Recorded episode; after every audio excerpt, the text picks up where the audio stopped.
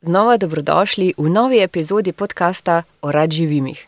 Danes bomo govorili o radživimu za otroke, ki ima sicer najdaljši staž med vsemi radživimi. Prvi je v svojih zametkih nastal pred 20 leti. V Slovengradcu pa je prva skupina otrok preživela počitniške dni z duhovno vsebino v Izoli v letu 2013. Vas zanima, zakaj so prijave za skupno tri termine vsako leto polne v pičlih štirih minutah? Kakšnim zgodbam in vsebinam sledijo otroci? In kaj je tako posebnega v radživimovski kuhinji? Kako bi odgovoril, če te nekdo vpraša, ali si srečen? Kako bi odgovoril, če bi te kdo vprašal, ali rad živiš? No, za mnoge se zadrega razvini v trenutku, saj so na lastni koži doživeli rad živim. Živim, živiš ti, živim vsak dan, znova in znova.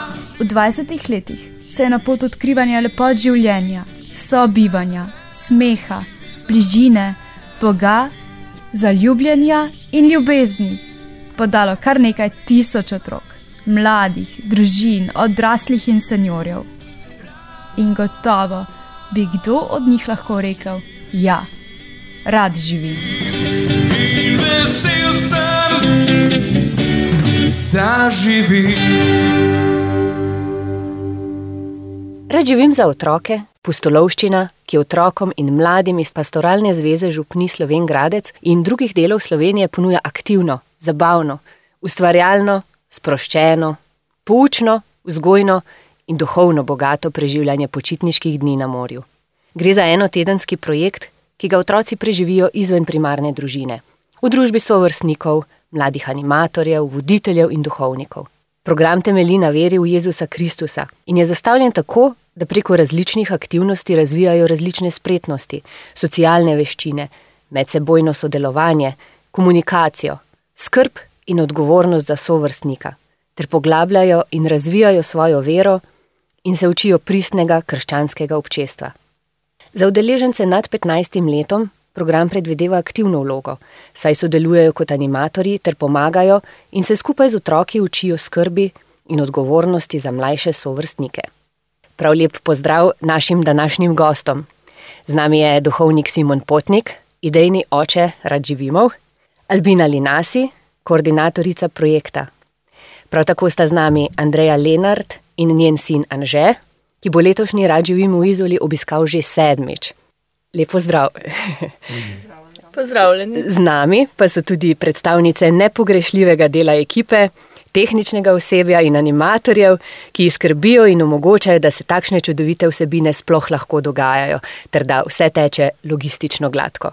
To so Ana Linasi, Urška Simič in Mira Javornik. Prav lepo zdrav vsem. Živijo. Hej. Albina, rad živim za otroke v Izoli je bil tvoj prvi rad živim, ki si se ga udeležila. Danes si koordinatorica vseh rad živimov, pa tudi letos si bila prisotna v Izoli. Eh, Letošnji juli so potekali trije tedenski termini rad živima, ki se jih je udeležilo skupno kar 90 otrok, starih med 6 in 14 let, ter tudi močne ekipe animatorjev, duhovnikov ter drugega podpornega osebja. Nam lahko malce urišeš, kako poteka to tedensko dogajanje? Torej, eh, Bogu hvala, doživeli smo še en čudovit eh, rad živim v Izoli. Tako je, priprave eh, se bojo kmalo za naslednji rad živim eh, že kar pričele. Termine je treba postaviti za naslednjo leto.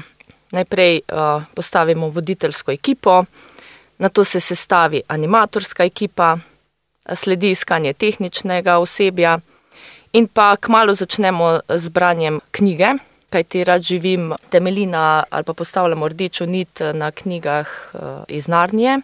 Potem zaradi tega se postavi tehnična ekipa in pa seveda priprava delovnega srečanja in utimljanja animatorske ekipe čez leto. Sveda, animatorji z, čez leto pripravijo kateheze, delavnice, sestavimo svojo pesmarico. Zdaj ekipa v Izolo pride en dan prej, da se pripravi vse potrebno, da se pripravi tudi hiša. Potem, ko v nedeljo pričakujemo starše z otroki, tudi njim pripravimo prijeten sprejem in pa ambientacijo, da nekako padejo v tisto temo, ki je, ki je pač tisto leto. Spodaj pravzaprav smo kot ena velika družina, sobivamo 24 ur skupaj, vse delamo skupaj. Spimo, jemo, molimo, pojemo, veliko pojemo, se igramo, plavamo. Čez dan sledi po zajtrku navadno kateheza, potem delavnice, vmes je čas za plačo, sledijo obroki in pa ta čisto prava posebna radživimovska maša. Vsak animator skrbi za svojo trojko, otroci so razdeljeni v trojke, ker pač smo na morju in da to res poskrbimo za varnost. Potem so otroci razdeljeni tudi v manjše skupine, da pomagajo so ustvarjati. V eni skupini je potem 30 otrok. Tako, tako, na en termin je 30 otrok in pa nekje 10, vsaj 10 animatorjev. Aha, aha. Nekje po šestih dnevih zaključimo uh, za skupno sveto mašo, kamor so vabljeni tudi uh, starši. Uh, Omenila si, da je kar precej poudarka na skupnem sobivanju, pa skupnih dejavnostih. Um, to se mi zdi danes prava redkost in hkrati nekaj, kar vsak izmed nas išče. Vsak izmed nas si želi nekih pristnih odnosov, prijateljstva.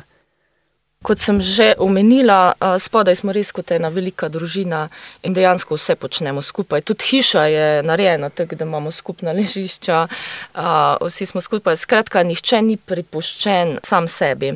Pa kar smo opazili, v bistvu po korona času smo še bolj želni teh medosebnih odnosov. A, se spomnim tisto leto, plaže skoraj ne bi rabili, tako smo bili želni pogovora, stika drug drugemu. Skratka, tudi postavljeno je tako, da se res mrežimo, da opazimo vsakega, da v bistvu tudi eh, zdaj tisti otroci, ko so glasni, ko se lepijo, na, a, ko so taki odprti, ni problema. Ne. Pozorni smo pa tudi na tiste tiše, bolj umirjene, da res nekako uh, sam. In tudi animatorji, da se, in je to je res en tak lep proces, ki, ki je meni um, zelo lepo opazovati, kaj se zgodi od prvega dne, pa potem ob koncu, mm. ko smo vsi prijatelji med Se sabo. verjetno tke kar nekaj novih prijateljstev in Absolutno. povezav. Čudovito. Uh, Simon, kot smo že uvodoma povedali, rad živim za otroke niso zgolj počitnice na morju ali pa priročno varstvo. Uh, Program je obogaten z močno duhovno vsebino, poudarek je na razvoju krščanskih in tudi moralno-etičnih vrednot otrok in mladih. Mm, Ne na zadnje, otroci pridobijo izkušnjo življenja v pristnem krščanskem občestvu. Nam lahko poveš, kaj vse obsegajo te vsebine? Fajn je slišati tako. Dejansko se vidi v teh letih tudi razvoj, način, iz česa smo izhajali. Najprej ta dilema duhovnosti, tu smo imeli kar veliko zagat, ker prihajamo iz različnih kulturnih področji, marsikje je vera, folklora. V kakšni družini pa je tudi čisto pristno, ampak tudi tam, kjer so pubertetniki, je iskanje, eh, je vera tudi na okopih večkrat in tu smo zdaj v skupnosti še teže iskali. Se je nekako pokazalo, recimo oratorija nismo poznali, ko smo postavljali rad živim teh osnov in smo se učili bolj iz duhovnih vaj, iz izkustev pri skavtih, iz raznih takih dogodkov sobivanja. In zaradi tega tudi se je rodil sam rad živim, da bi dali izkustvo. Ustanovitelja skavtov Baden Pavla so vprašali, kako je duhovnost prišla v skavtstvo in je- rekel, ni prišla, od začetka je tam. Nekaj takega se, eh, se odkriva tudi v rad živimo. Rad živimo, če vzameš duhovnost, ni več rad živim. Je neko živo, rad životarjenje ali karkoli bi, bi iz tega nastalo, eno dopustnikovanje, to pa ni. eh, V bistvu niti ni namen, zato tudi eh, na začetku mogo- morda včasih alergija, to ni varstvo otrok. Je pa to recimo kolateralna korist. Ja, je, verjetno za kakšne starše, ki dajo dva, tri otroke svoje eh, v isti termin, se je to tudi dopust in dobro uporabljen čas, ampak tudi na podlagi celotnega leta. Tako da mi ne moremo nadomestiti celega leta eh, z duhovnostjo, zdaj nabito z enim ekstraktom, eh, eliksirjem duhovnim, da bi potem eh, čez leto pa spet se čakalo na tisti račun. Želimo si, da bi tudi čez leto otroci lahko živeli eh, to duhovnost. Ne. Mm, Na začetku, eh, mislim, prav banalne stvari so se pojavljale od teh elementov, ki jih je Albina že poudarila, kaj so. Smo se spraševali, ali je Maša ja ali ne, a vsak dan ali ne. In potem smo prišli do tega. Potem, recimo, glede duhovnosti, isto. Mi, ko začenjamo termin, predne otroci pridejo, imamo nočno bdenje, češčenje, spoved, en, en močen duhovni input. Za ekipo, a ne? Ki... Se, ja, Mhm, za mhm. ekipo, ampak tega na začetku še nismo imeli. Smo se učili vseh teh poti, ali pa recimo, porad živimo, kot otroci odidejo, da gremo mi domov. Ne, ker je prevelik šok, mi ostanemo še tri dni, tudi zaradi, ravno zaradi tega teh vibriranja, teh močnih odnosov, da ne pademo v nek tak v praznino, en deliri, potem mm, mm. čustven, eh, eno zmešnjavo. To se je s časoma se vse pokazalo. Tako da ta rađim za otroke je predvsem za moje pojme še bolj intenziven za mlade, za animatorje in za vse osebje. Morda se sliši tako, ampak je eh, ta, ta stranski produkt eh, je tudi za otroke. Uh, v bistvu se pa dogaja pri teh zorečih animatorjih. Mm. Uh, tak, sprejemanja veliko odgovornosti, ja, pa... pa sobivanja, iskric, mm. zaljubljenosti, samokontrole, žrtvovanja, razdajanja, krotiti čustva, lenobo, gojiti plemenitost, osebno nos do Boga, pričevati za Jezusa. Kar pa se mi zdi, da ravno pri mladih, pri najstnikih je ravno to iskanje um, in taka neke vrste rasta, ne ključna. In, in tu je en tak poligon potrditev vere in vsega tega. Mm, Simon omenil si, da je velik poudarek je dan ravno na to izkustvo, um, izkustvo na eni strani Boga, izkustvo, izkušnjo, ne na zadnje, učenje na izkušnji. Um, poudarek pri uh, radživimih, tudi za otroke, ne, je dan tudi na to preprostost, na skupnost, na izkustvo, um, razvoj nekih pristnih odnosov, tako med sabo, kot tudi z Bogom. Um, kako ti, kot idejni vodja radživimov, vidiš pomen takega radživima? Na eni strani za otroke, za njihove družine, za mlade, uh, ki služijo mm. tudi za skupnost. Najprej bi rad to poudaril. Ne, ne, res si ne želim, da bi to bila ena osamljena oaza. Želim si, da bi to bil del poti. Ko govorimo o rađimih kot projektih, rad bi, da to postanejo programi, poti, na katere se lahko naslonim zdaj, zelo močno, pa tudi čez leto. Ker če izhajam iz sebe, kje pa sem lahko doživljal vero, v družini, ampak tam zaradi staršev bolj suhoparno, ker pač starše kot mladostniki smo eh, izolirali iz svojega eh, iz cono doživljanja, med vrstniki nismo tega doživljali, eh, potem pa ostane suho. Veruk ni bil doživljanje vere, ampak je bilo govor o veri, poučevanje. Torej, govorili smo o receptih, nismo pa jedli. Čisto mhm. preprosto. Rad živim se pa kuha skupaj in se je. Recimo, da je to ena razlika. Pa se ni edini, vse to so romanje, duhovne vaje, skavtski tabori, ne, to, tam, tam se skupaj eh, meša in se skupaj uživa. Zato je užije, ne, se eh, živi od tega, zato je tako močen. Um, v prvi vrsti bi rekel, da to, to je dar otrokom, uh, zato tudi uh, smo mogli postaviti ene. Um, ne, os, osnovne okvire. Recimo, spomnim se, koliko krat smo doživljali prošnje, da bi še mojega otroka sprejeli, pa še ene. Strogo imamo omejeno 30, zato ker to zmoremo, kvalitetno.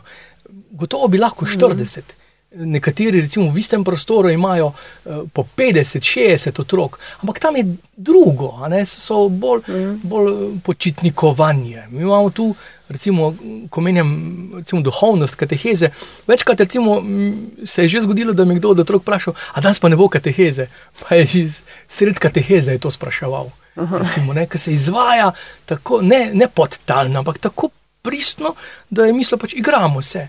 To je bila pa kateheza z eno rdeči niti, skozi ambientacijo, skozi vse te elemente, ki jih uporabljamo, ker si lahko privoščimo, ker smo 24 ur tam, ker imam na razpolago resen kup uh, animatorjev, ki se da, niso, niso tako izobraženi, niso tako kvalitetni, ampak so celi tam. In je veliko več vredno kot pa pedagoški folk, ki je plačan, uh, pa če ne dela srcem. Je gospod naredi po svoje in še vedno je z našimi animatorji si res um, zelo dobro pomagal. -huh. Pa to, meni se zdi to pomembno, da začutimo, da ta rad živim, sloni na prijavah staršev. Otroci se ne prijavljajo, ampak starši prijavljajo. Sloni na podlagi prošnje staršev. Mi tu staršem prihajamo na pomoč. Ni prvenstveno, da bi se ukvarjali z otroki, ampak prvo dejansko uh -huh. starši. Nosilec tega rad živima, prošnje rad živima je starš, so starši. Njihovo željo. Torej, starši prevzemajo odgovornost za to, kar se dogaja, in tudi, kaj se bo dogajalo, porad živimo. Tako da tudi tu bi radi vstopili v dialog s starši, ker eh, želimo povedati, da, da ne moramo biti mi odrasli kot neke vrste vampiri, rečem temu, ne, smo navdušeni, potem ko se otroci navdušijo in uživamo v njihovih proslavah in njihovih recitacijah, birme, prvo obhajila, rad živim in, potem pridejo in oh, in smo vsi srečni in mi pijemo njihovo. Dejansko mi moramo ustvariti okolje, kjer, bo, kjer bodo oni lahko to živeli, ne pa da bomo mi živeli od njihovega navdušenja.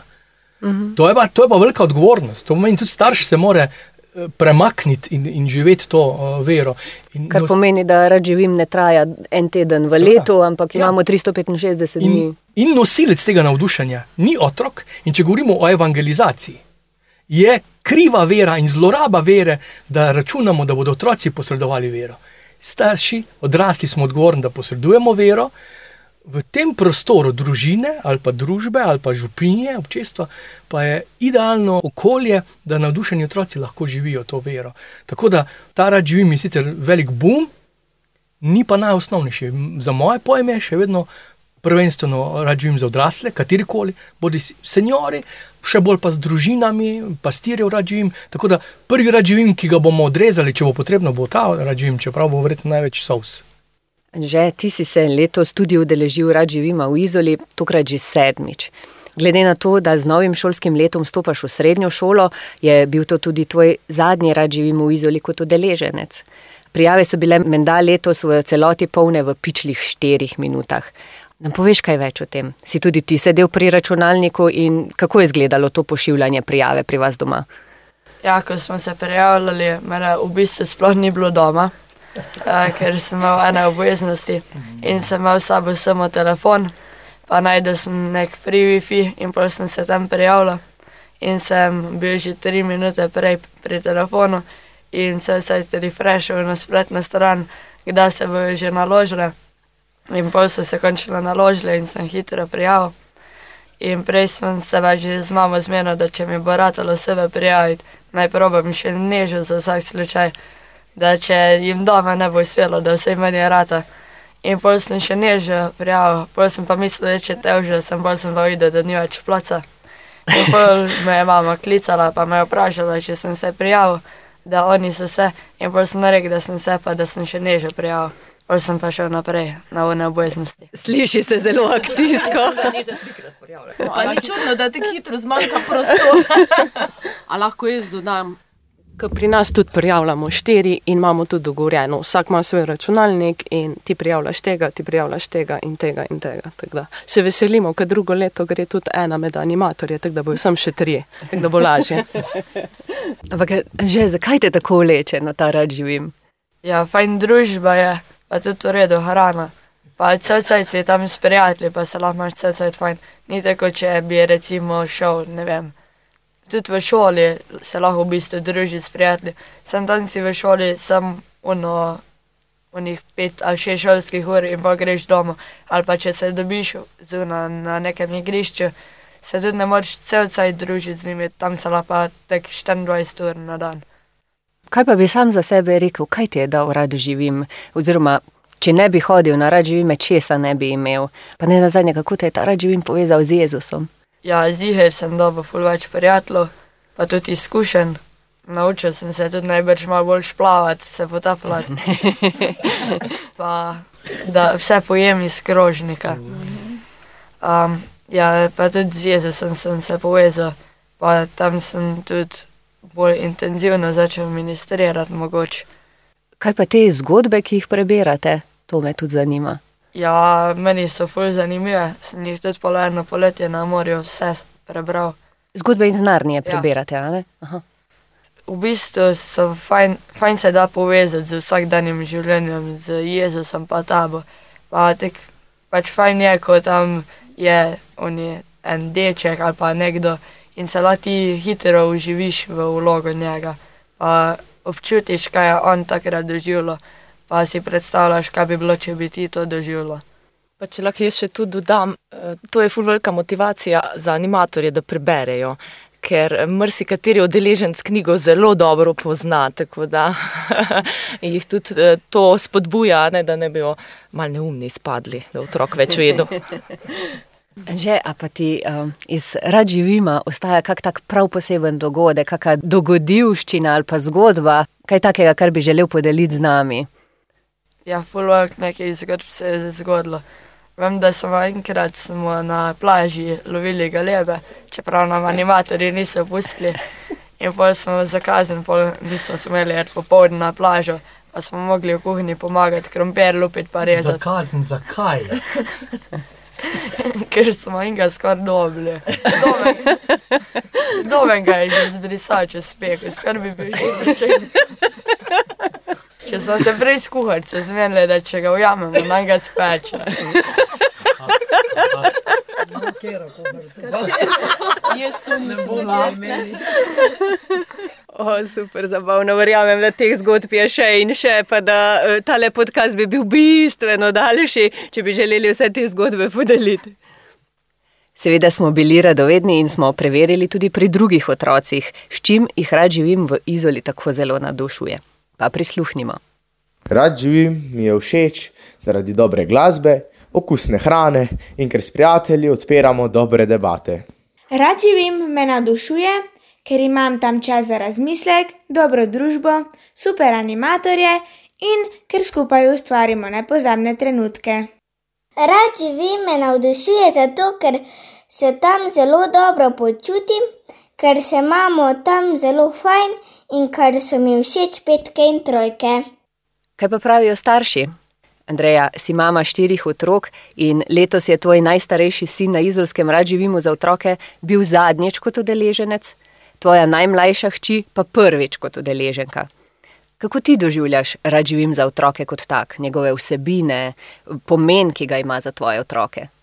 Ja, rad živim je ena super izkušnja, ki jo jaz zelo privoščim našim otrokom in tudi ta prvo leto, ko je Anže že imel možnost jet, uh, še ni bil tako zelo navdušen, tako da smo pol um, s časoma, jaz sem te knjige, no moram povedati, sem jih prebirala že v svojih letih, ne vem, še tam pred študentskimi v srednješolskih časih, no tako da mal, mal sem bila starejša od našega Anžeta. Uh, in uh, tudi uh, so na razpolago v naši knjižnici. Pravzaprav sem se zelo borila za to, da sem jih dobila nazaj, ker so krožile nekje okrog med, med mojimi takrat prijatelji oziroma pač mladimi, ki smo se takrat družili.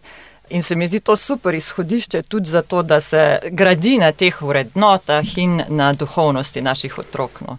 To se mi zdi ena taka velika prednost, hkrati pa res vidim ta povezovalni vidik, ene izzive, ene preizkušnje, mogoče sobivanje je nekaj, kar pač deluje povezovalno, hkrati pa tudi moraš biti eh, potrpežljiv, prilagodljiv, a ne to, kar eh, recimo v naši veliki družini že tako ali tako moramo biti, ampak tam je pa vseeno eno drugo okolje, en drug prostor in pridejo tudi drugačne izkušnje do izraza. No. Mogoče, ko je Anže omenil zgodbe, tudi to povezovanje med prijateljsko, kako je že eh, koroških šest nastalo iz treh družin. No, lansko leto so se potem tile naši um, za še četrto družino odpravili z vlakom v Izolo. No, to je bila tudi ena dogodivščina, Mhm, ki smo wow. jo starši mogli um, podpreti, ker je rasla ta želja v njih, koliko let, ne vem. Uh, Tako da je tudi to en del tega povezovalnega duha, ki je verjetno zrastel v teh letih. Super. Albina, kaj pa to konkretno pomeni z vidika organizacije in potrebnega osebja? Prej si že omenila, koliko je animatorjev v posamezni skupini, kaj pa tehnično-administrativnega osebja, zakaj vse je sploh treba poskrbeti in kako vam to uspe, časovno, finančno. Res je, rad živim za otroke v Izoli, je od eh, vseh eh, rad živimo or- organizacijsko nekako najbolj zahteven. Tako po številu animatorjev, a na vsak termin jih rabimo vsaj deset, um, pa uh, imamo tri termine, potem so voditelji oziroma voditeljski par, duhovnik. Vsekakor je tudi finančno uh, največji zalogaj uh, med rad živimi, ampak ostajamo tudi dostopni. Uh, tako da v bistvu poskrbimo tudi za uh, socialno šipkejše družine, uh, da nekako tudi družine z več otroki, da jim pridemo naproti. Tako da udeležba strani financ naj ne bi bila nikoli težava. Potem smo tudi tako dobrodelno oziroma misionarsko naravnani, da gre tudi od vsakega prispevka, gre vsaj en evro tudi za projekt Radi bi živeli. Je pa tudi nekako, uh, ker je najdaljši, tudi najbolj obsežno in tudi najdaljše služenje tako za animatorje in pa tudi za celo ekipo. Ja, recimo voditelji tehnično osebje po večini darujejo svoj dopust a, za to. Tako da Vsako leto najdemo par norcev, ki pač svoj dopust dajo za to, da lahko a, švicajo v, ali v radživimovski kuhinji ali pa. ali pa da v bistvu uh, vodijo termin, in smo pravzaprav bi se na tem mestu res uh, zahvalila vsem, ki so vseh teh, uh, uh, kar se tiče pastoralne zveze, deset let, pa tudi uh, še deset let prej uh, vstopali v to in uh, služili, dali svoj, um, svoj del. Uh, tako sem rekla, res rad živim, je, je tisto, ki daš svoj dopust, uh, daš se na razpolago, prideš utrujen domov, ampak vseeno s tistim notranjim nabojem. In uh, jaz mislim, da to je čar uh, tega tudi služenja, da živimo. Je pa res, da se srečujemo pa kar z izzivom, kako vzgajati nove voditele in pa iskati tehnično osebje. Tako.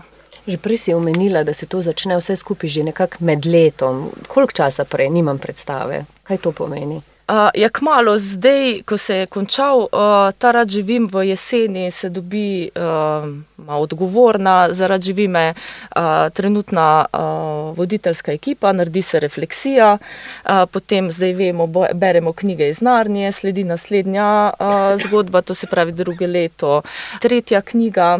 Postavi se uh, skupina animatorjev, ki je uh, odgovorna za branje si vsako leto zmislijo nov način, kako bi motivirali, ker vemo, da branje med mladimi ni tako a, privlačno.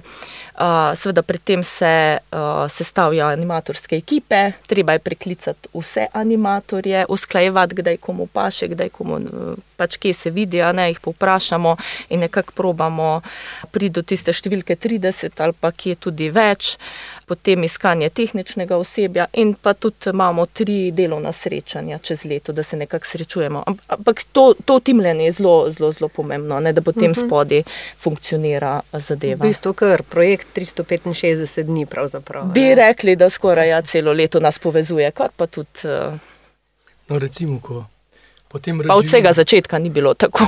Ja, to smo ne. se učili sproti. Ne, v raju Adam pa Eva niste še imela tega. Ne nista rabila.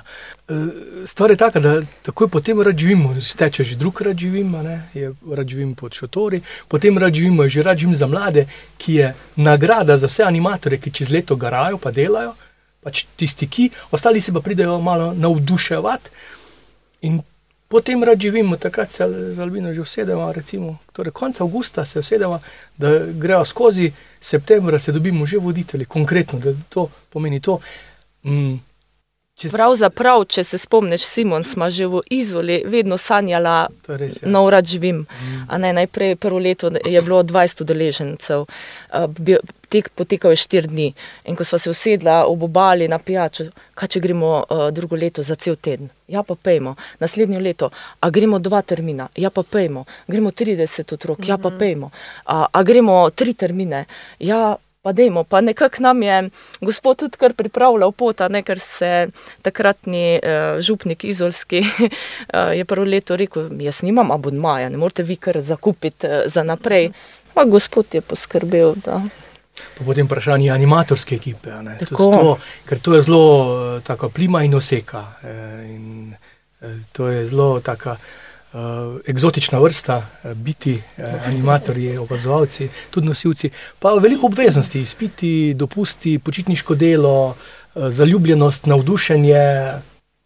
Pa tudi zahtevni smo, a ne se izpodi, ne na zadnje je voda, gre za življenje. In jaz ne morem imeti animatorja v ekipi, pa tudi pravzaprav noben voditelj, če animatorja ne poznam, če mu ne zaupam.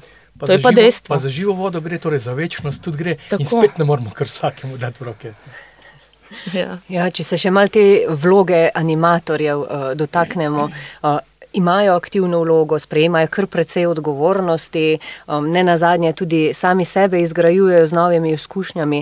Kdo je potem lahko animator, kaj vse obsega njegove naloge in pa kaj jih navdušuje, da vsako leto pridejo znova in znova? Ja, tako nekaj sem že uh, govorila o vlogi animatorjev. Zagotovo so ključni brez uh, animatorjev si mi ne moramo iti rad živima, kot sem že omenila, gre za pomembno delo, delo z otroki, ne na zadnje starši nam zaupajo svoje otroke, njihova življenja in tu pristopamo res zelo, uh, mislim, ni hec. Uh, je pa tudi zelo lepo opazovati, ne, ko nekomu daješ uh, določene vloge. In animatori pravzaprav tudi preko rad živima, tudi če sebe pogledam. Jaz sem razvila ene veščine ali pa odkrila ene darove, ki sploh nisem vedela, da jih imam. Uh, in tudi, ko gledam zdaj iz leta v leto, a ne rast animatorjev, kaj vse odkrijejo, če so vse so zmožni, koliko te presegajo.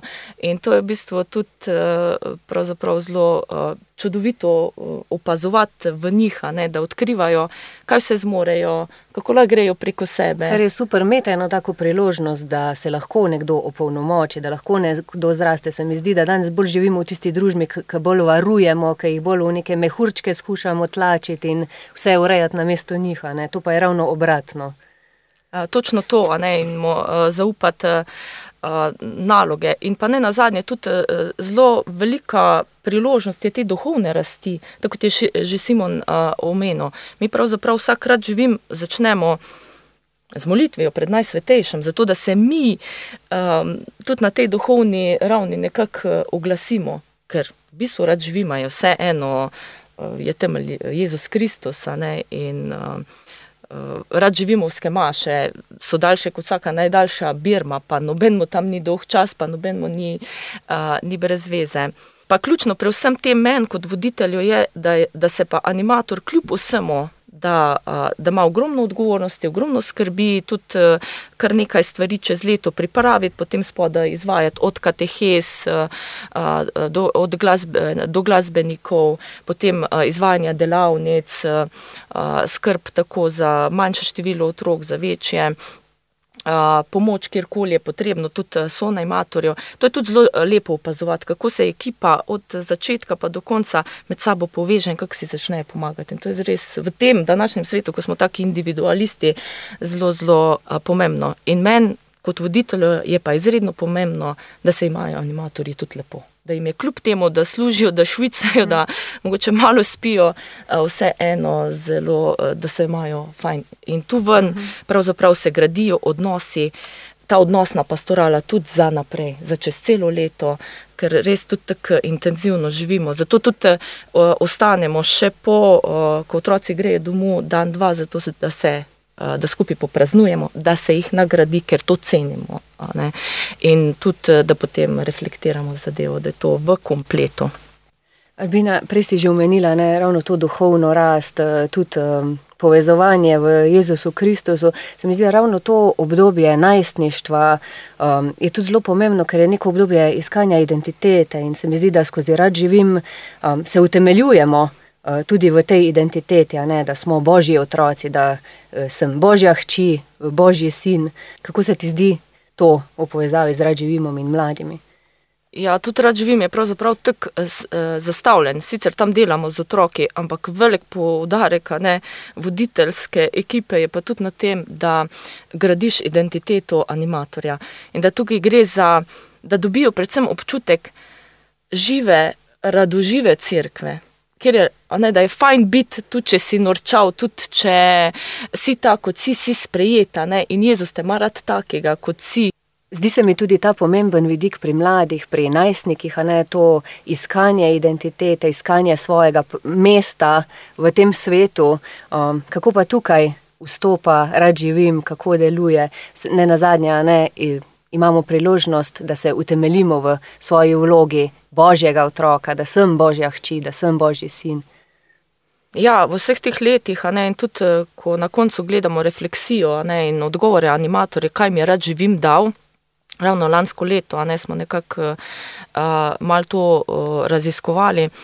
Bi rekla, ja, da, da rad živim je prostor, kjer mladi lahko uh, živijo ali pa začutijo ali pa vidijo eno privlačnost mlade, radožive crkve, kjer si tako, kot si, sprejet, ljubljen božji otrok. Tudi gradimo na tem. Zato tudi a, se, kot je že omenil, toliko lepih prijateljstev a, rodi tu ven. Ne na zadnje, tudi kar nekaj parov.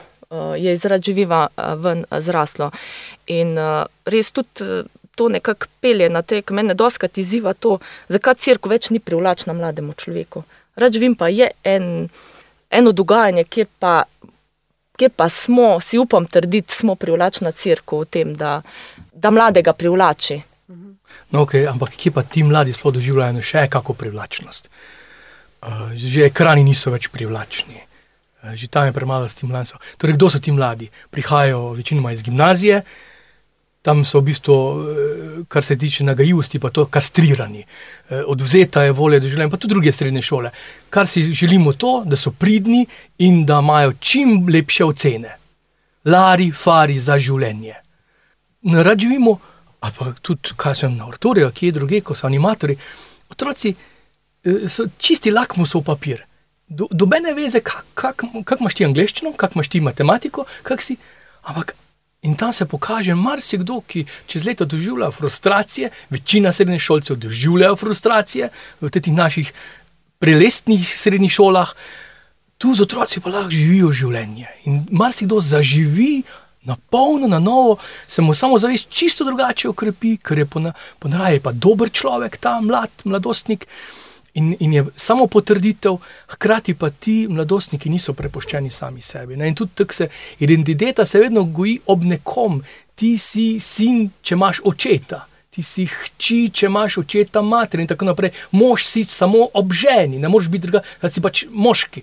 In tudi tu, a ne bratje in sestre, ob bratu in sestri. In To pa se tu dogaja, eno tako vrvenje, od tega, ko si rekla, živa crkva. Ja, ker ob meni so živi bratje in sestre, sitni, tečni, zjutraj lačni, ampak so moji, jih imam rad in se z njimi trudim in jih dam spat in, in se kregamo in se imamo radi. In tu se krešejo te iskre. Ker če gledaš, tudi recimo, gledam faks, koliko predmetov sem imel, pa so se mi zdeli nekoristni. V trenutku, ko sem prišel na teren, je marsikateri predmet postal zelo pomemben. Tako pa tudi tem mladim, marsikatera veščina, ki jo starši ponujajo, se jim zdi nekoristna, narad živimo. Pa marsikatera veščina, Anži je že omenil, recimo se poje, pa tako naprej. Marsikatera taka banalna veščina pride do izraza. In doslednost, in razne kreposti, ki jih marsikak povprečen dijak, po, jaz ne verjamem v povprečnost, ampak recimo šolsko povprečen dijak tu pa obvlada z maksimalno odliko. Poprašali smo tudi animatorje na preteklih radživimih za otroke v Izoli. Kakšna je njihova izkušnja tega radživima, ter kako se jih je ta radživim osebno dotaknil? Kaj jih je radživim naučil o njih samih in o povezanosti z gospodom? Moj prvi radživim je bil za me pomembna prelomnica v mojem življenju. En teden, ki sem ga preživel v devetem razredu v Izoli, z ostalimi otroci na tretjem terminu, je bil darec, ki me je spremenil iz nekomunikativnega dečka, brez prijateljev, v osebo, ki zna govoriti z ostalimi ljudmi in predvsem z, z Bogom. Rad živim, me je naučil, da molitev ni samo blebetanje molitvenih obrazcev, ampak dejanski pogovor z Bogom in zaupanja vase.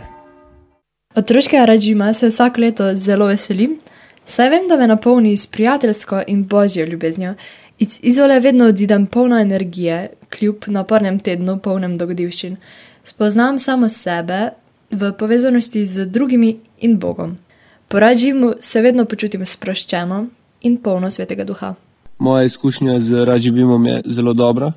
Zdi se mi, da se Gospod dotika vsakega posebej preko služenja, ko damo svoj čas in svoje talente za otroke in mislim, da ti tako najbolj pokaže, kaj pomeni služiti drugim in Bogu. Prvič sem na Radživim prišla kot udeleženka pred petimi leti. Takrat sem spoznala nove prijatelje, z nekaterimi pa smo zdaj skupaj animatorji. Skupaj se veselimo in si stojimo ob strani. Zelo rada vidim, kako se otroci povezujejo med seboj in kako jim animatorji na zabaven način približamo vero. Sama sem spoznala, kako na drugačen način pristopiti do Gospoda, preko skupnosti. In to zelo cenim. Kuhinja na Radživimo v Izoli je zagotovo bistven del dobrega počutja, lahko bi rekli skoraj srce Radživima. Menda, menda ne poskrbi samo za telesno lakoto, ampak je tudi zabavna točka zbiranja. Urška in Ana, vidve sta na prvih Radživimih v Izoli orali ledino za organizacijo prehrane za otroke. Menda je v vseh teh letih nastal en odličen pripomoček, zvezek z recepti in potrebnimi količinami. Kaj bi rekli za radživimovsko kuhinjo? Kakšna je, kako vzgaja otroke? Jaz bi te sem malo popravila. Um, po dolgih letih staleža v radživimovski kuhinji si lahko mirno rečemo, da ni skoraj srce, ampak je srce radživima. Zdaj pa kakšno je, če gremo čist fizično gledati, je zelo majhna, nič kaj posebnega, ampak ravno dovolj velika, da v njej najde prostor, pribežališče in zatočišče. Vsakdor, ki to potrebuje, od voditeljev, animatorjev, otrok, ker se mi zdi, da radživimovska kuhinja ni samo to, da seveda kuhamo z veliko ljubezni, pa z veliko švica, ker je pač mali prostor, pa vroče je, ampak se mi zdi, da radživimovska kuhinja res vstopa tako um, čist celostno. Uh, tako bom rekla, opazuje, svetuje, tolaži, objema, uh, joče, ko je ima kdo kakršno koli stisko, ko pridejo kakšne jokave srede ali pa sobote, so kar taka tradicija že postale, ali pa joče od smeha. Simon je rekel, da pleše, tam tudi Simon pleše. uh, in uh, ne vem, res tam je dobrodošel čisto vsak in uh, opazuješ, svetuješ in sprejemaš in ponudiš pomoč, ker je potrebno. Tako da to. Uh, zdaj, kako pa vzgaja, uh, je že Anži povedal, ja, da se poje vse, kar je na krožniku, uh, tudi marsikdo. Tako, uh, marsikdo poskusi kaj novega, ker imaš otroka, ki pri kosilu trdi, da on pa bureka ne je, pa do večerje to pozabi. In pol, pri večerji je to tako, no to je najboljš, kar sem kdaj v življenju jedel. Zdaj knjižica Urška ni nastala pod najno takterko. Ne. To so pol bolj modre žene za nama Tako. počele. Mi dve smo pa kar z eno tako preprostostjo pa zaupanjem vstopali, kar z nekim občutkom za feeling, da pač z nama. Da pa z nama, nič si nismo nikoli zapisovali. Uh, prvo leto smo sicer že doma naredili um, celoten jedilnik, točno po dnevih, kaj bomo jedli, ampak mislim, da niti en dan pol to ni držalo. Ja. Uh, zvezek je malo kasneje nastal izpod pridnih rok neti in sonje, mislim. Da, ja. Zdaj smo pa postajali kar nekaj tradicionalnih uh, radživimovskih jedi. Jedi. Kaj tako. na primer? Gres, Burek, burek, uh, tvisti, tako narezek. rižota, ki, pač nobeno leto sicer ni uspela. uh, Nabave, solate. Se pa trudimo, da so jedi preproste, tako klasične, da ne silimo tudi z neko, nekimi hudimi specialitetami, ki pa mogoče res otrokom niso najbolj ljube, kar je pa razumljivo. Preprosto, skrbno Dobro. uh, in dobro. Z ljubeznijo. z ljubeznijo. Pa bi z nami podelile še kako zanimivo zgodbo iz kuhinje. Glede na to, da je srce tega dogajanja, jaz sem res zelo radovedna. Um, Kar recimo doma otroci ne radi delajo. Pomivajo posodo. Zagotovo to mogoče. A tu se jih pa vključi, da morajo to delati? Vključi in mislim, da to kar uh, Ja. Z veseljem naredijo. Vključi se radio, muzika, uh, razporedijo si malo vloge, en pomiva, en briše in pol to gre hiter in brez kakega koli bunjenja pre, pretiranega. Vsi to želijo, razen nekateri tega še na začetku ne vejo. Ja. pa jim malo prijazno pomagamo, da Ja. pridejo do tega spoznanja.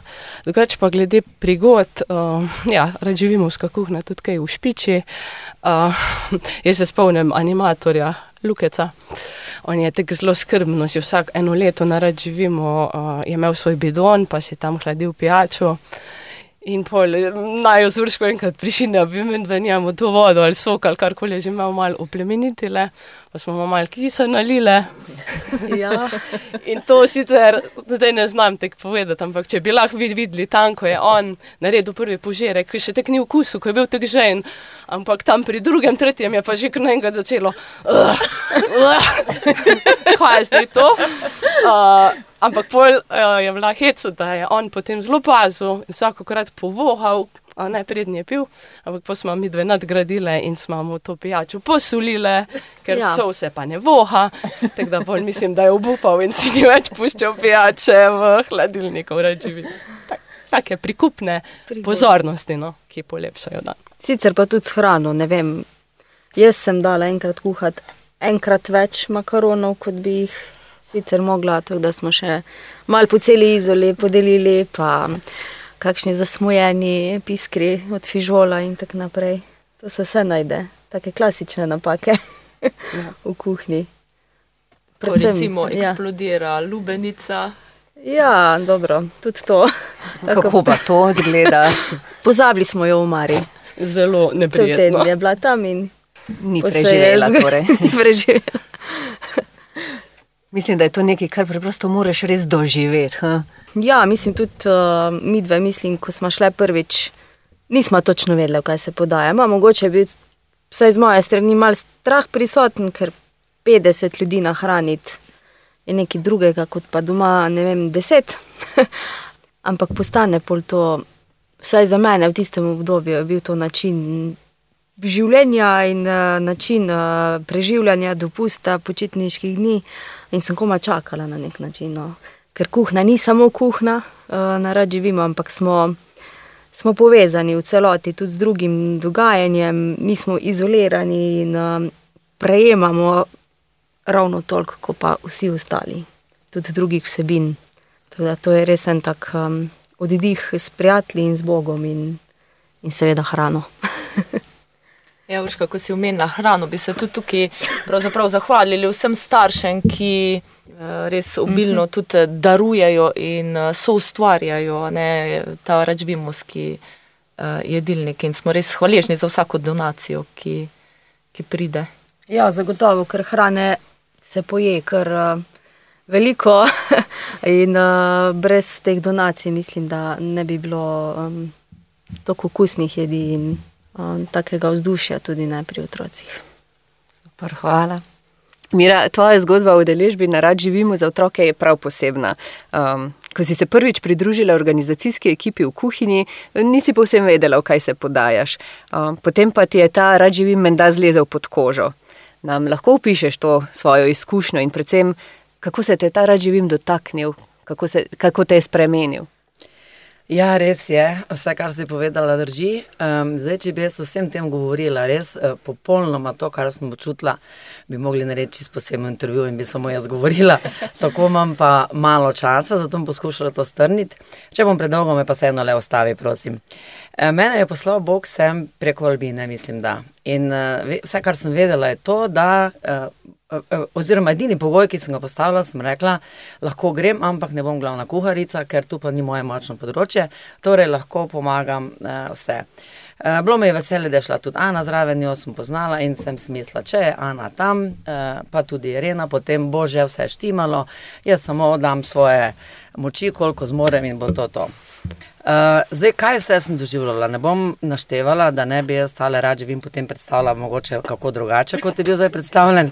Bi pa samo uh, se navezala na Simona, mogoče v tem smislu, uh, ko je rekel, da bi svoje ta rađe vim uh, duhovna rast vseh udeležencev, ne? ne samo otrok in da je to za to. In jaz sem tam doživljala resnično velike, velike um, boje sama s sabo, spoznanja. Uh, jaz sem v bistvu, da sem preživela, oziroma da sem doživela ta rad živim. Eh, Kljub vsem smešnim, eh, vse, vse to, kar so že Urška in eh, Ana povedale, drži, veliko je bilo smeha, ampak jaz sem imela ogromno uh, pogovorov sama s seboj. Vsako jutro sem se vstala ob šestih, sem šla na dolg uh, da sem se pogovorila z Bogom, da sem rešila svoje vprašanja. Nekako sem se soočala tudi s svojim napuhom, uh, ker jaz le deformirana, poklicna deformacija mi je tam zelo udarila ven in zelo sem morala biti. Potrpežljiva, da nisem kdaj rekla, joj, tole bi pa lahko čist drugače. Ne? In videla vse uh, svojimi um, deformiranimi očmi, oziroma tako kot je že Simon rekel, pedagoški kader uh, je res pač drugače deluje. In ogromno krat v šoli vidim, ko pride nekdo od zunaj, kako je vse drugače. Pač smo poklicno deformirani, jaz vem, da smo. In tam sem se soočala seveda s to stvarjo. Uh, potem. Uh, je vse samoumevno bilo doma. Soočala sem se s služenjem, kaj pravzaprav sploh je služenje. Do takrat sem imela čisto drugačno definicijo služenja. Uh, to, da uh, služiti s talentom, ki ga imaš, je dokaj bolj enostavno, kot pa služiti s tem, kar ne re, počneš rad, niti ne znaš. In da sem jaz zdaj šla tja za deset dni v kuhinjo, uh, vročo, malo. Uh, da ne govorimo o, o štedilnikih, o, o, o, o, ne, ne vem vam opisati.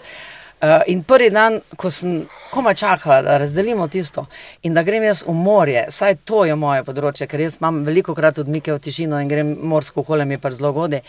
In da jaz zaplavam, in ko pridem še v to sravno morje, ker seveda, eh, jaz sem razvajen, da jaz hodim v Dalmacijo in ko še vidim to, zdaj še to, mislim, ne morem povedati, kakšne boje smela. Dva, tri dni. Eh, Potem pa sem bila seveda fascinirana za to organizacijo, strukturo tega radživima, z, z vsemi temi animatorji, mladimi, navdušena sem bila nad njihovim razmišljanjem, da lahko eh, ta, taki mladi, nisem imela stika toliko s takimi mladimi, da bi lahko tako razmišljali. Refleksije, meni je to ogromno pomenilo, ker tudi zdaj uh, vas pri svojem poklicu v šoli uporabljam, kako pomembne so refleksije in z, s kadrom in z uh, otroci, um, da dobiš nek feedback, kako in kaj. Potem s temi mašami, uh, mislim, jaz sem toliko dobila, da dejansko uh, sem bila potem navdušena. Uh, tu, ko sem bila prej, če bi rekli, če sem bila prej do deset vržena noter in sem bila obupana, kako bom to preživela, sem bila potem do deset navdušena, ko sem odhajala.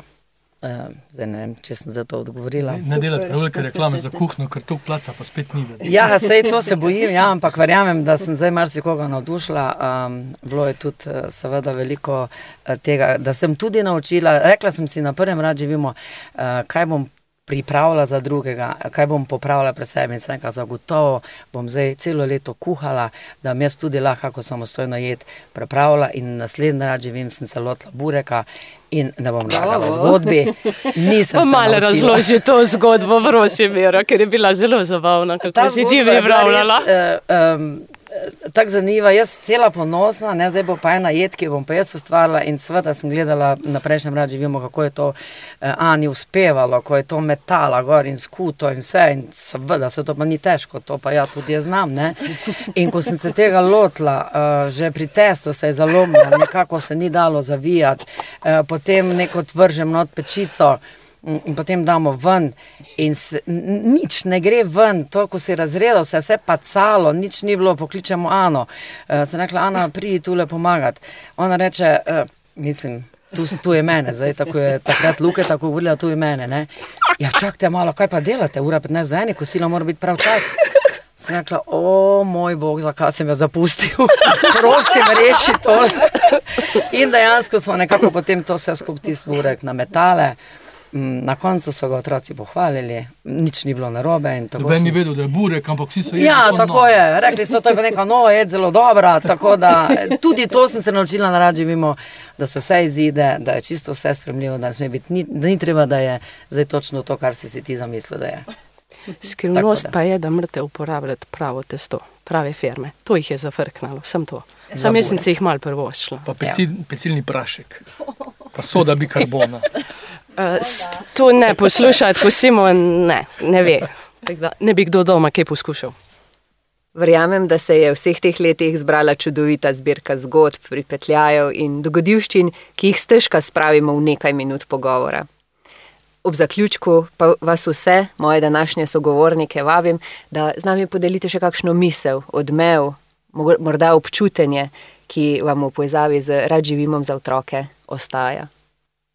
Ne vem, preveč je tega, da bi se lahko strnalo v en stavek. Samo to bi rekla, da pač ena velika zahvala vsem, ki to omogočajo, um, pa da sem lahko bila tudi jaz del tega in pa mogoče, da kdaj še bom. Bom jaz rekla, da glede na to, kar smo slišali, zdaj vse kakšne drame se dogajajo in uh, od kuhinje pa v rikverc do animatorjev in še prej v družinah, se mi zdi, da smo res lahko veseli, ponosni drug na drugega, da uh, sobivamo oziroma skup hodimo že kar nekaj let z roko v roki in jaz sem vam hvaležna za to, da sprejemate naše otroke, pa skup z njimi rastemo. Jaz bom rekla, tak, um, za mene rad živim tak, um, ne vem, tak božji objem. Uh, ker res v tej občestvu, ko smo skupaj, res živiš eno tako lepoto odnosov, takih res prisnih, iskrenih in vse lahko tako preprosto, pa hkrati zelo lepo in vse prežeto z obiljem božje ljubezni, ki je itak prisotna z mano vsak dan, ampak se mi zdi, da narad živimo vse moja prepustnost za božjo ljubezen, pa za dojemanje totalno spremeni in sem neskončno hvaležna, da sem lahko del tega, ker veliko več prejmem, kot pa dajem. Ja, sem ravno te dni razmišljala, uh, ko se toliko govori o tem um, zakonu o eutanaziji. Uh, in sem še toliko bolj navdušena nad tem, da obstaja nekaj, kar pa ljudi uh, vodi k temu, da radi živijo. Da res. In če je rad živim, kaj je res navdušenje nad lepoto življenja, da res uh, rad živim, da rad živim, da rad živiš ti, da rad živimo vsi in tega res bi rada prvošla vsem okrog nas. Um, ja, jaz zelo rada živim sama, živim, ne vegetiram, tudi so ustvarjam. Zato bi rada povedala, v bistvu še na mnoga leta rad živimo in pa vsem rad živimovcem, um, predvidevam, da smo to vsi ljudje na zemlji, če nismo, ne postanemo, uh, da res živimo skupaj z njim. Ja, jaz sem full vesel za vse animatorje, ko za nas skrbijo v unem tednu, na rad živimo, da se imamo tako fajn. Pa hvala tudi kuharcem, pa vsem, ko imajo prste vmes. Jaz imam danes oblečeno, eno, mislim, da prvo majico, 20 let. Tako sem hvaležen za tisto tako neumno korajžo, ki smo takrat imeli, ko nismo znali, ko se nam sanjalo ni. In se učim tudi v drugih stvareh, da si drznem iti kako pot, ki mi jo Gospod kaže, mogoče samo korak, dva, in čez 20 let so nore stvari. In tudi mislim, glede poklicne kariere, glede družinskega življenja, glede odločanja za nosečnost in, ali pa v kakšni bolezni. Stopi korak zaupanja Gospodu, čez 20 let, če bomo še živi, se pokaže nevrjetno. Če pa ne bomo več tu, bo pa tako že fantastična večnost. In se mi zdi, kaj Gospod lahko naredi teh, na, teh, na teh naših poteh, če smo z njim.